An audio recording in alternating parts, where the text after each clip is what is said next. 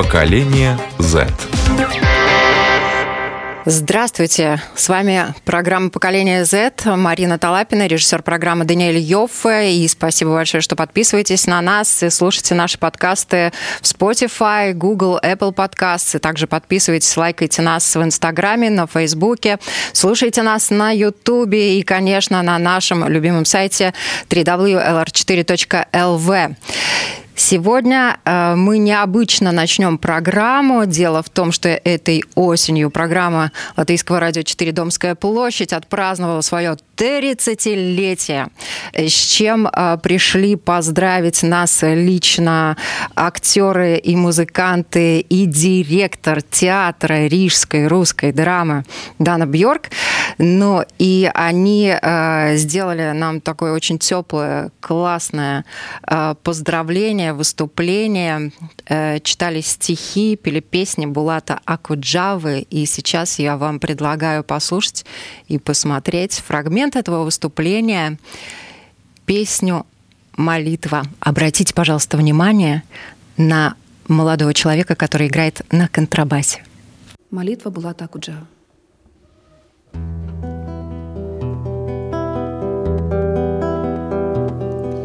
Пока земля еще вертится,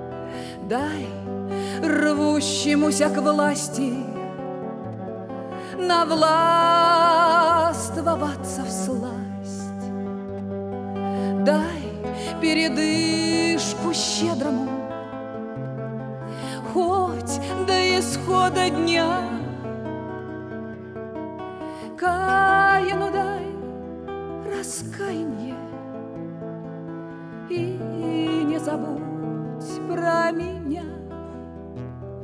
Я знаю, ты все умеешь. Я верую в мудрость твою, как верит солдат убитый, что он проживает как верит каждое ухо тихим речам твоим, как веруем мы, мы сами, не ведая, что творим. Господи, мой Боже, зеленоглазый мой, пока земля еще вертится, и это ей странно самой, пока ей еще хватает времени и огня.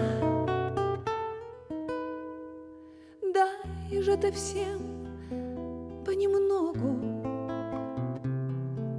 и не забудь про меня. Ты всем понемногу и не забудь про меня.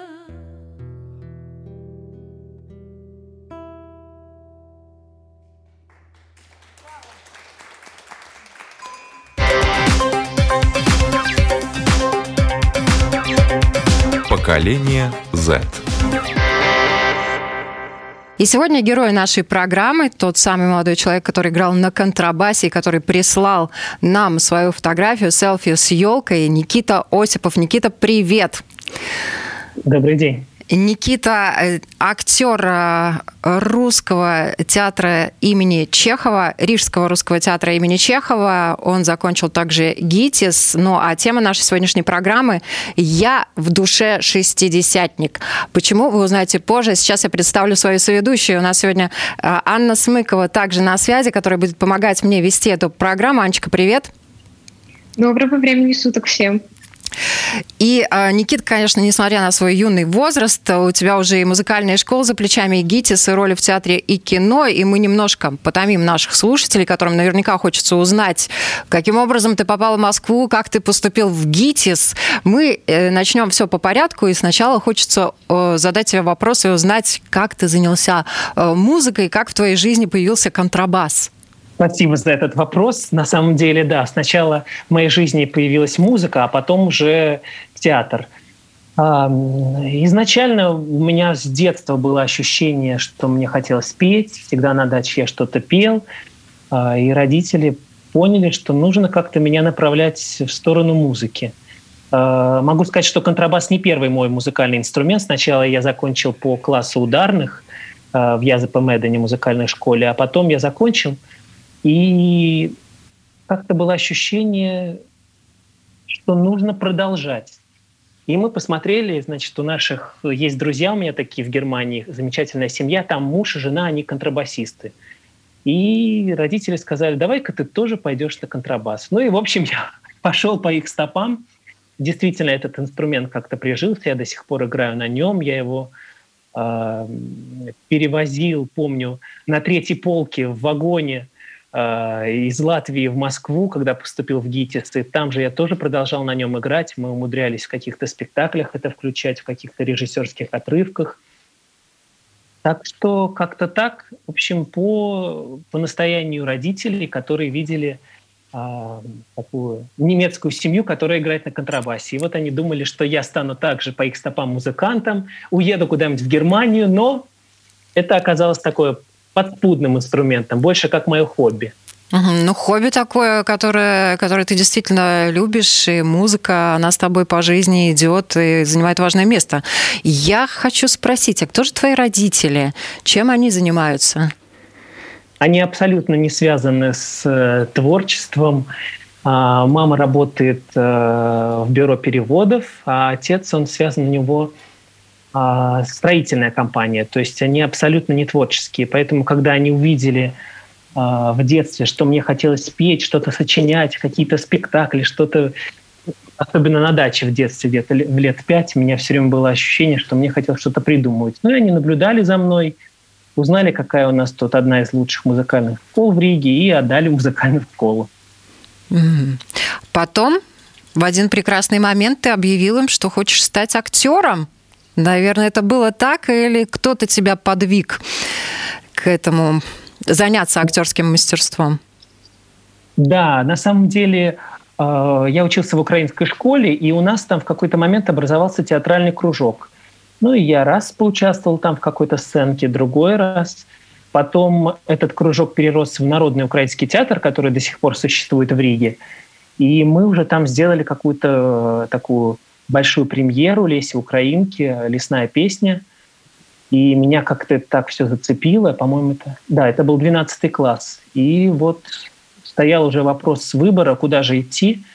И я сказал родителям, вы знаете, я хочу поехать в Москву, где я никогда не был. Я абсолютно не знал этого города. Я вот сейчас задумываюсь, я просто не, не знаю, откуда были эти мысли такие. Просто вот я хочу поехать, попробовать попробовался во все эти пять основных институтов, и вот как-то мне пригляделся мой мастер, который в меня сразу поверил, с первого тура перевел на третий, и вот я поступил. Михаил Борисович Борисов.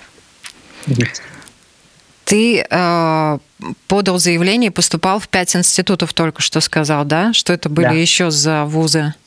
А, Щепкинское училище, Щукинское училище, ГИТИС, э, МХАТ и ВГИК ты подал документы везде, да? Да, ну, э, мало того, там же все-таки вступительные экзамены, там же это все проходит в 4 или 5 туров. Сначала отборочный, потом первый тур, потом второй, третий тур, и потом уже только экзамены. И, и, и А, ну, я везде проходил эти отборочные, ездил туда-сюда, мотался. У меня были, помню, экзамены. Между ними я то на, то на самолете летал, когда не успевал, то, то на поезде постоянно ездил в Москву. И вот так пробовался, пробовался, и потом как-то сложился контакт именно с моим мастером, и вот он меня взял на курс. Аня подготовила тоже много вопросов, и, наверное, часть из них как раз актерское мастерство затрагивает, да, Ань? Да, ну, во-первых, мне сразу заинтересовало, вообще не было страшно ехать просто в незнакомый город, в незнакомую страну, где у тебя никого нету, просто потому что мечта. Ну, я вот сейчас сам удивляюсь, честно говоря. Сейчас уже зная Москву, ее масштабы, э, могу рассказать одну такую интересную историю. Мы ж, когда я туда приезжал, я же совершенно не ориентировался там. Помню, вот я вышел из э, поезда Рига-Москва, меня встретила родственница, хорошо у меня была там и есть, которая меня помогала, где-то направляла. И ГИТИС находится на Таганке. Там у ГИТИСа три здания, но мое, мое основное здание находилось на Таганке.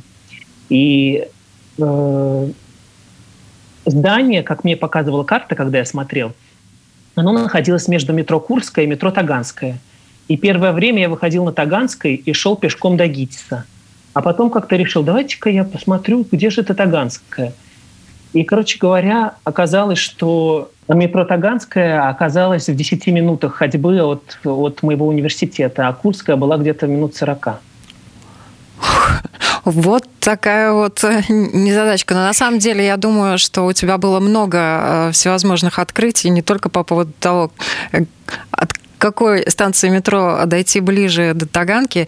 И учителя были наверняка интересные. Вот давай немножко о них, наверное, расскажем, потому что, в принципе, можно поступить, можно проучиться, можно уйти.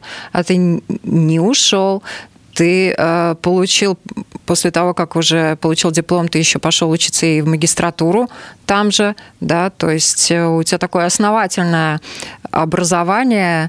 Э, что, э, кто тебя поддерживал во всех этих начинаниях?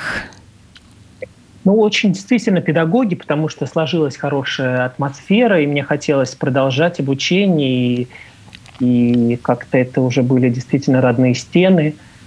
А, могу сказать, вот 13 января у меня у педагога по сцен речи был день рождения, и уже 86 лет исполнилось. Сюзанна Павловна Серова. Она родственница известного э, художника, художника Серова. Да-да-да, вот э, девочка с персиками, это его. Ну, у него много, знает. и «Серый волк», да, него, и «Аленушка». Да, да, да, и, и «Похищение э, Европы». Э, да, то есть это были действительно такие педагоги, которых ну, просто где-то ты не найдешь. Это действительно уникальные педагоги. И мой мастер Михаил Борисович Борисов, он, а, он больше известен как телеведущий. Он 20 а, с лишним лет вел программу «Русское лото» на российском телевидении. То есть его больше с этой стороны воспринимают. Но он еще и заведующий кафедры режиссуры был в Щукинском училище и в ГИТИСе вот он также преподавал, набрал свою мастерскую. То есть это действительно маститые, маститые такие педагоги, от которых ты, когда я учился, я старался ловить каждое слово, каждый жест, потому что, ну вот, тогда, может быть, это было не так осознанно, потому что какое-то вот де- такое детское еще было восприятие, было лишь такое чутье, понимание, что это все неспроста и что надо действительно по возможности хватать, хватать все, все, что они, все, что они давали.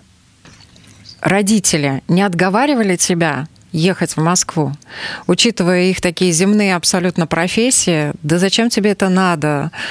А если не поступишь? Или когда уже поступил, ну хорошо, ну классно, все, год поучился, возвращайся к нам. Не отговаривали?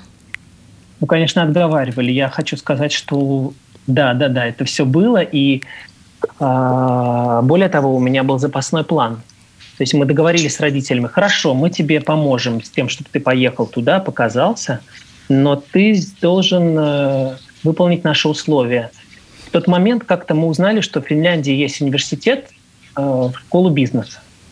И у нас были вступительные экзамены здесь, в Латвии, по всей Балтии, по-моему, Польше. И там было человек около ста, которые издавали, вы, выслали материал с Финляндии, нужно было это все прочитать на английском языке, подготовиться, и был вступительный экзамен. И, в общем, эти 100 человек собрались в РТУ. А, мы писали этот экзамен, там были три части. Э, устная часть еще была. И из этих 100 человек взяли двоих. И один из этих двух человек был я. Мне пришло письмо с приглашением в Финляндию. То есть у меня был запасной план такой. То есть это было по настоянию родителей. Но поскольку в Москве все сложилось, я сказал, родители, извините, тут я иду за тем, что мне нравится, и поэтому я не поехал в Финляндию, но действительно они отговаривали, так и было, правда. Слушай, но э, поступить э, в такой вуз э, в Москве, вот сейчас вот по прошествии лет, насколько действительно у тебя так как говорится, благоволила судьба, и все сложилось легко. Да, вот насколько, если сейчас какие-нибудь ребята, школьники зададутся идеей пойти на актерское и поступить в московский вуз, как ты думаешь, просто им будет так же, как и тебе?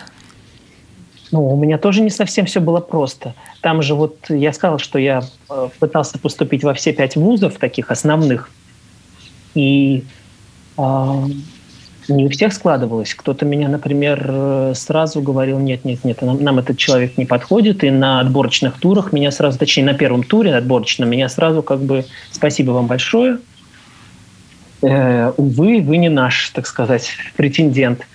А было где вот с мастером у меня реально сложилось, то есть с первой такой, с первой секунды какая-то связь, и он меня как бы так начал вести, вести, вести, начал говорить, прочтите нам вот это, подготовьте то, и оно все совпадало, совпадало, и как-то вот мы не контачились. Ну, а ребятам, которые хотят э, поступать в театральное, э, я считаю, что обязательно нужно пробовать, Сейчас, конечно, совершенно другое время, и в этом году на этот учебный год набирали онлайн. То есть я знаю, там я одного, одному парню подсказывал, как поступать, и я знаю, что то есть, ребята записывали видео, то есть они читали какую-то программу и отсылали ее туда, э, в эти театральные вузы. И потом уже им говорили как-то, что-то рекомендовали и так далее. То есть этот год действительно был очень сложный. Во-первых, педагогам, я не знаю, как они могли Э, понять этих людей э, по, по интернету, потому что там же тоже важна, и важны эмоции, важны эти чувства, как, как человек, как контачит с той же публикой, с теми же, с той же комиссией. У меня сразу тогда вопрос. Ты играл и в сериалах, и в театре играешь, и вы как раз затронули вопрос э, игры на камеру. Чем вот именно различается игра на камеру и игра для человека? Игра именно для, человека. для актера. Э, в театре ты имеешь в виду? Для зрителя. Да, для зрителя, для зрителя. живого э, в театре и... Э, да, или на камеру. Вот так. А, я понял вопрос, да. А, ну, камера — это э, крупный план, а в театре все-таки немножко издалека смотрят, немножко артисты, ну, это неправильное слово, плюсуют, но но то есть эмоции ярче. Говорят сцене. громче. Да, да говорят громче, да. Да, да, да, да, посыл он сильнее. Но это живые эмоции. То есть это бывает, вот говорят артисты, уходят со сцены, говорят, нет, сегодня не тот зритель. То есть это, это не значит, что какой-то плохие люди пришли в зал или там враги, я не знаю а просто не, бывает иногда не складывается химия. То есть иногда бывает идеальный зритель, то есть он, он на той же волне, он пришел в хорошем расположении духа, и как-то спектакль складывается, и это все вместе. Э, то есть зри, э, артисты дают энергию, и зритель обратно отвечает. И, и в этом смысле получается такой, ну вот, можно сказать, катарсис. Такое взаимное а что обогащение. тебе нравится больше? Что тебе нравится больше, играть в театр или играть на камеру? Ну, я больше театральный артист, у меня не очень много опыта э, съемок, но это разное, это интересно. То есть те, те же крупные планы в кино, в сериалах у меня была там были эпизодические роли, и в учебных работах в Москве я снимался. Это такая немножко другая специфика, то есть ты должен быть максимально естественным э, и как-то проживать, не наигрывая, что ли, так бы я сказал. Ну вот, э, тогда у меня как бы следующий вопрос уже зовется. Чтобы играть, естественно, и не переигрывать, надо быть максимально раскрепощенным и открытым. И какой совет э, ты можешь дать э, начинающим актерам, как раскрепощать себя? Наверное, гитизи этому точно учили. Какое-нибудь это такое секретное упражнение. А, ну, их там целое, я даже не знаю, как сказать, много различных упражнений есть, э, тренинги. Безусловно, это тренинги на, на работу с партнером, на освобождение мышц, на Э, сценическая речь, которая помогает нам говорить более четко, ясно. А, ты хочешь прям упражнение, чтобы я тебе сказал, да?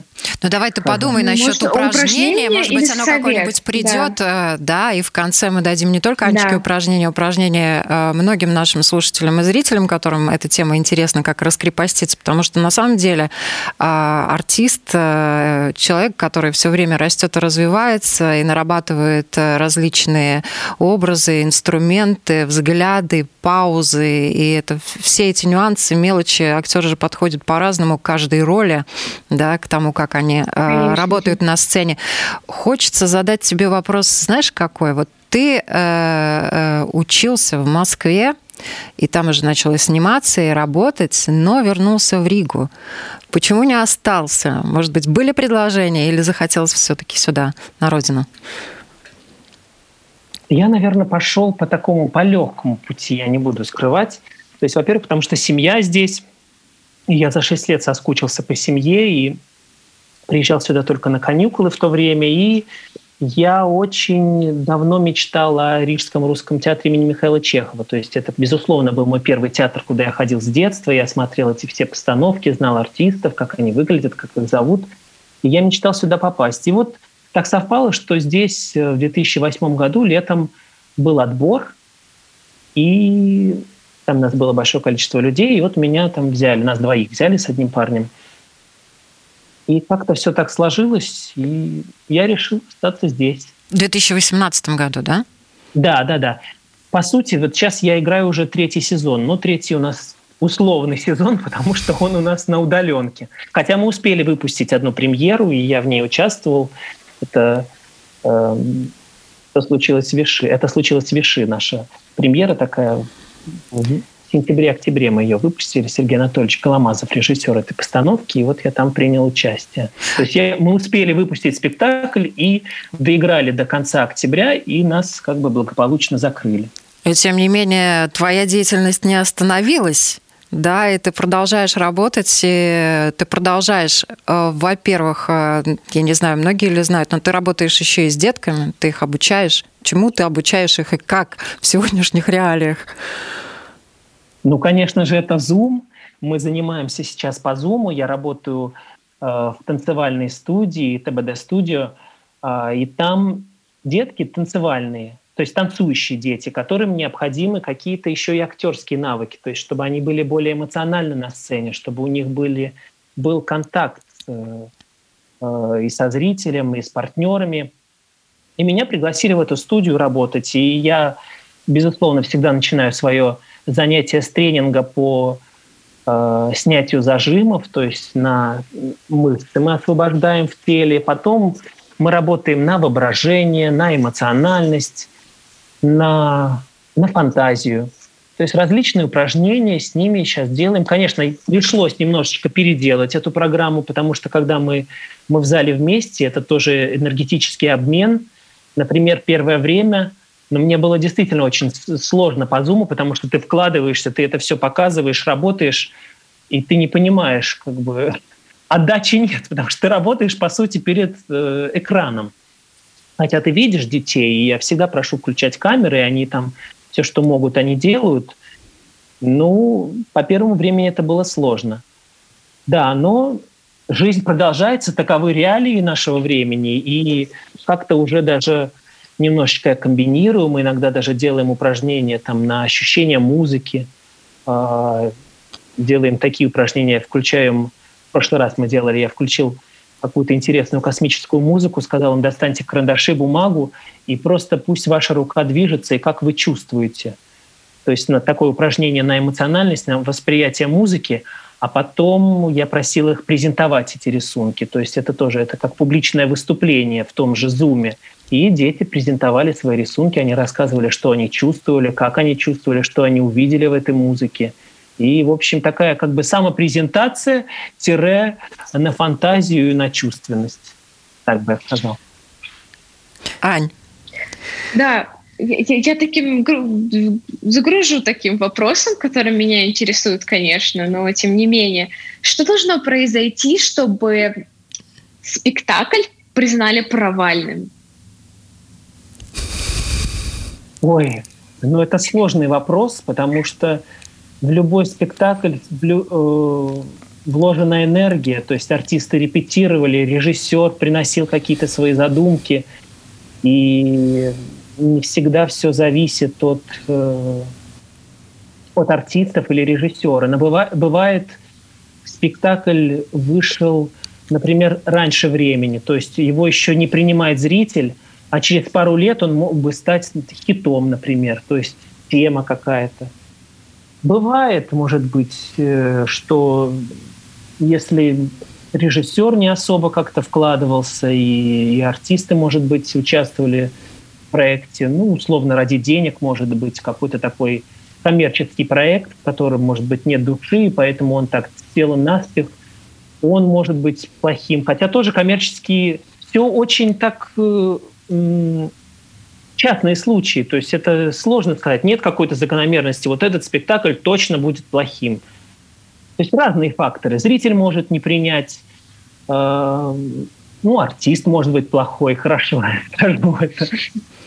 Всегда на стороне артистов, потому что у нас действительно очень профессия такая, она зависимая. То есть какой у тебя контакт будет с режиссером, насколько роль тебе подходит, или роль, наоборот, на э, ну, на таком на противостоянии, то есть наоборот, как можно дальше от твоей природы. Все очень так условно в этой профессии, поэтому нет такого какого-то э, точного, конкретного ответа. А когда ты считаешь, что все удалось? Когда ты уходишь счастливый из театра?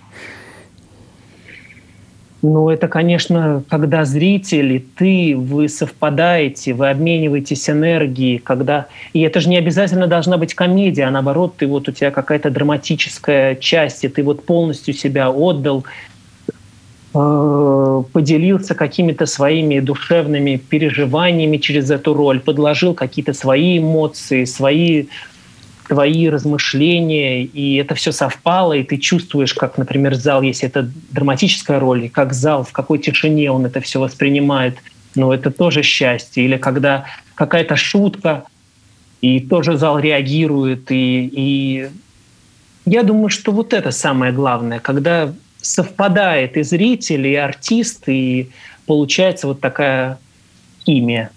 То есть, получается, 50% э, успеха от спектакля — это зритель? Да, конечно. Ну вот сейчас запрещен вход зрителям э, в театр. Ну, театр не может существовать. Сейчас вообще можно сказать, что, по сути, это 100%. Потому что ну, мы же мы можем приходить, мы можем репетировать в масках на расстоянии 2 метра, но просто а смысл, если нам некому это показывать? Так что это такая, можно сказать, ну, трагедия нашего времени, но ничего, мы ждем, ждем. Я вот хочу сказать, я жду прививки, потому что, ну, во-первых, я слышал, что педагоги следующие после врачей, а поскольку я педагог, числюсь, тоже я преподаю в студии и в украинской школе, и поэтому я надеюсь, что я сделаю поскорее эту прививку и будем встречаться со зрителем, может быть, в каких-то квартирниках, может, э, где-то на корпоративах. Ну, может быть, даже в театре. Будем надеяться на это. Ты, э, как мы уже сказали, э, занимаешься музыкой с детства, и это отдельная часть э, твоей биографии, да. И в прошлом году ты тоже успел выпустить и альбом, и тот фрагмент из вашего выступления, который мы показывали, тоже достаточно красноречив. То, что касается музыки, раскрой пару секретов своих проектов. Ты еще и поешь. Да, я все, мы все уходили, ходили вокруг да около этой темы, но наконец поговорим об этом. Да, я тоже пою с детства. Это было э, тоже как-то вот я перед тем, как мы э, договорились об этом интервью, я начал вспоминать какие-то детские истории. На той же даче я помню, э, ну это действительно была расположенность какая-то с детства. Помню, брал какой-то бабушкин халат надевал зачем-то, нарвал цветов в саду, перед собой положил, помню, и пел, пел на всю, на весь кооператив на даче в Салкросте. То есть это действительно было с детства. Потом уже я ходил э, в школьное время в студию музыкальную, занимался, искал здесь педагогов, переходил от одного к другому. Но постановку голоса такую основную мне все-таки это сделали в ГИТИСе, то есть поставили голос. Такая педагог Анжелика Марко, э, Маркова – Анжелика Маркова, педагог. Она работает э, в, у Сукачева команде. И вот она замечательный педагог, она поставила мне голос, она научила в Москве, как правильно петь, как извлекать звук, как доносить, э, э, доносить то, что заложено в песне. И действительно, Марин, ты правильно сказала, да, я умудрился это в этом же сезоне, в сентябре, у меня был свой первый сольный концерт с музыкантами – Э, на песни 60-х, 70-х годов э, в таком Digital Art House центре. У нас была такая визуализация на фоне, это, там экраны на 360 градусов, и шли какие-то классические полотна на фоне, а мы пели, вот я пел какие-то песни, э, такие советские, добрые, душевные песни, и и рассказывал немножко о первых исполнителях, которые когда-то исполняли эти песни, потому что кого-то уже забыли, а когда-то они были, так сказать, в чартах, в топах, они были очень известными, популярными на советский, на все советское пространство. И как-то действительно мне в общем, нравилось петь, что и продолжаю делать. Но я не зря э, тоже начала программу э, песни была так у Джавы, потому что он тоже шестидесятник, и у тебя вот эта любовь к 60-м годам и к их песням. Вообще, конечно, молодой человек, абсолютно молодой. И э, называется тема нашей программы «Я в душе шестидесятник». Это минус боль, больше, чем полвека назад. Это очень интересная эпоха, и музыканты, писатели, композиторы, они тогда почему, может быть, отчасти и прославились, потому что много чего было запретного. Та же, та же песня «Молитва», да, до 63-64 года стихи не печатали, потому что называлась «Молитва». Да. Угу. Как угу. тебя это зацепило? Где тебя это зацепило? Кто тебе показал, что вот был такой мир? И он очень интересный, глубокий. Все тот же ГИТИС. Мой ответ ГИТИС. Потому что как-то, значит, э, на каждом курсе есть экзамены. То есть на протяжении полугода мы готовимся, а потом мы сдаем по актерскому, по танцам по... и по вокалу. И было задание по песням 60-х годов. И, конечно, хочется найти что-то особенное, какой-то хит, но который еще никто не слышал или уже подзабыл, точнее. И я, значит, начал искать песни. Я ищу, о, одна классная, отложил ее. Еще одна классная, еще одна интересная, еще одна какая-то просто неповторимая, как, в ней заложен какой-то такой смысл. И я начал откладывать эти песни. Понятно, что я выбрал одну, исполнил, все было замечательно но я продолжал слышать какие-то песни с того времени и записывал их.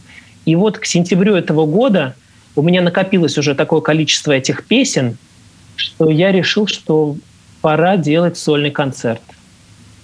То есть такое объяснение у меня. Но они тебя чем-то цепляют. Вот мой дедуля говорил, что э, современные музыканты поют ни о чем. Вот раньше пели там и душа, и смысл, и все остальное. Анечка, хочется услышать твое мнение по поводу песен 60-х, 70-х. На самом деле, я безумно согласна с своим дедушкой. У этих песен есть своя вот эта особенная атмосфера, своя особенная душа. И я действительно их большая поклонница, я их действительно слушаю, во-первых, потому что я часто гощу у своей бабушки, которая просто обожает их э, и постоянно поет. И действительно в этих песнях есть что-то родное. я, и, и, знаешь, это такое что-то вот не, совершенно необъяснимое. Я не могу сказать даже почему. Ну, может, классно, музыка, а, классно. Может, потому что Классно то, что это... Что эти песни объединяют поколение. Ну да, и получается, что они не раздражают поколение Z. Это очень классно. Да, вообще э, вы с ребятами говорили, ну вот эти вот э, песни, конечно, там э, Булат Шалович, это вообще, наверное, классика да, и куча 60-х песен из 60-х годов, они действительно, ну, их, они уже записаны, все, они уже останутся, их перепевают, и ту же молитву пел и Бусолис, и, и многие другие пели, да, после Акуджавы. Ну вот э, тоже э, вы выбираете же абсолютно разные песни из тех времен, да, вот, э, Никит, хочется тебя спросить, что тебя цепляет, как ты выбираешь эти песни, как ты их подбираешь? по смыслу, на слух легло.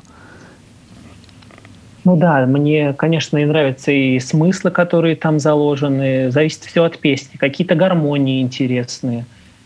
А, потом, может быть, это действительно был какой-то глоток свежего воздуха в тот момент после сталинских времен, если мы так вдаемся в историю. То есть это песни оттепели – Э, стало что-то более возможным. Поэтому, мне кажется, разрешили композиторам и поэтам творить, и они начали как-то в рамках, в, рамках дозволенного, они начали как-то самовыражаться, и в этих песнях действительно есть какой-то э, какая-то искренность, какие-то надежды в этих песнях присутствуют, доброта, они очень, они как-то без, без э, искренние.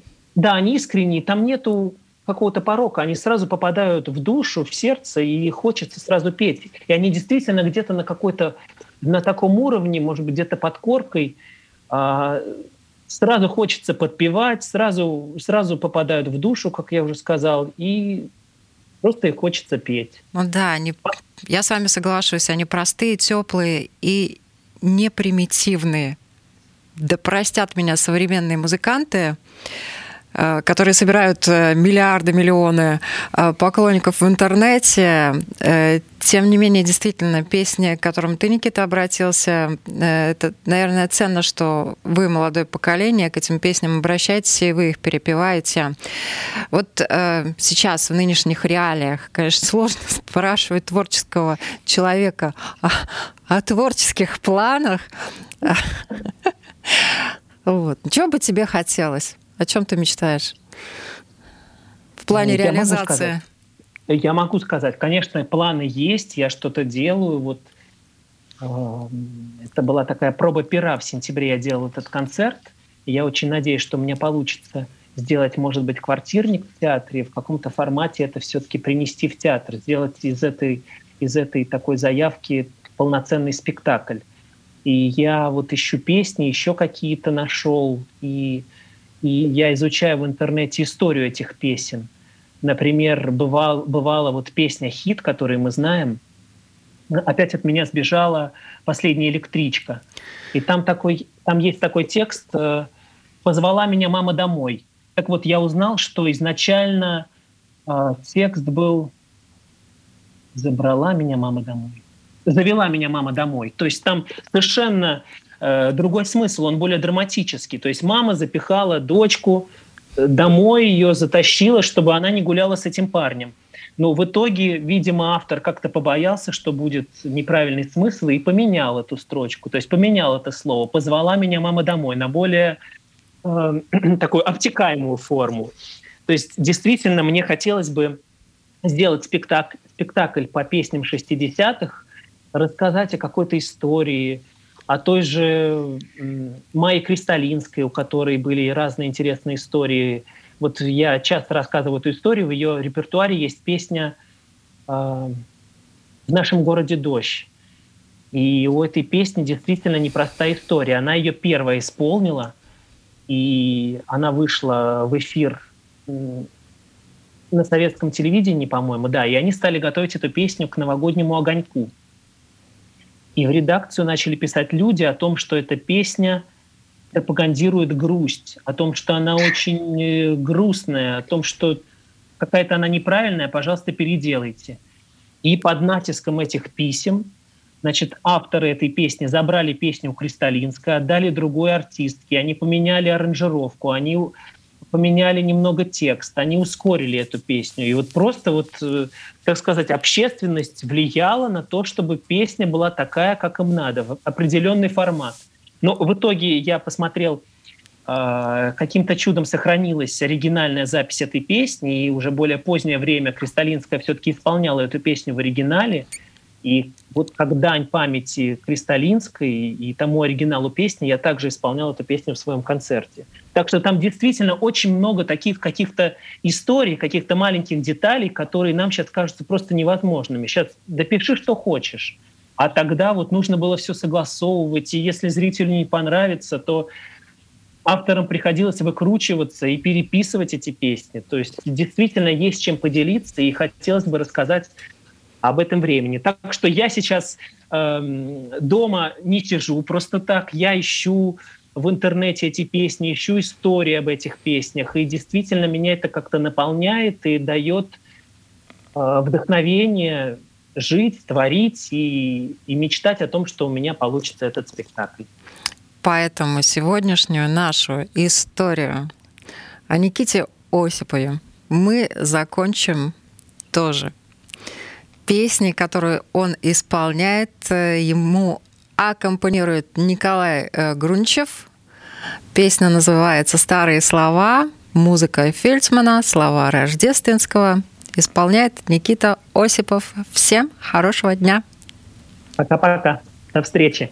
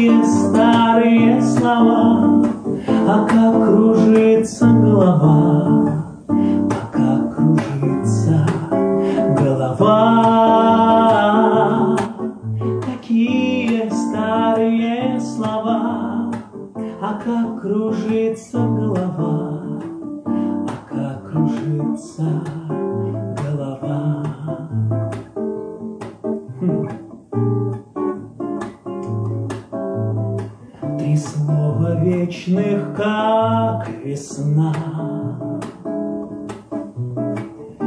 Такая сила им дана. Три слова и одна мечта. Одна судьба, одна тропа.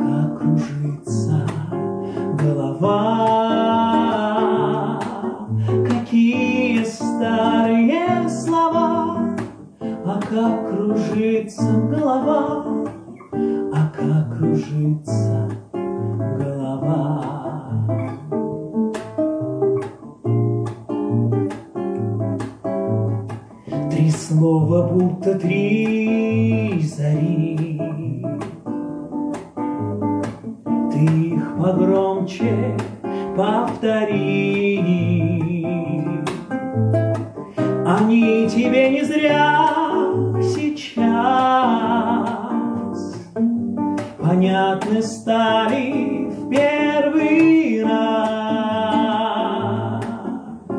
Они летят издалека. Сердца пронзая и